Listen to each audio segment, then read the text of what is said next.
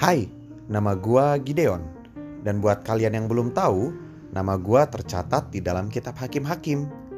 Ya, Gideon adalah seorang pemimpin pasukan Israel yang berjumlah 300 orang, di mana akhirnya dengan jumlah tersebut berhasil mengalahkan bangsa Midian yang jumlahnya lebih banyak.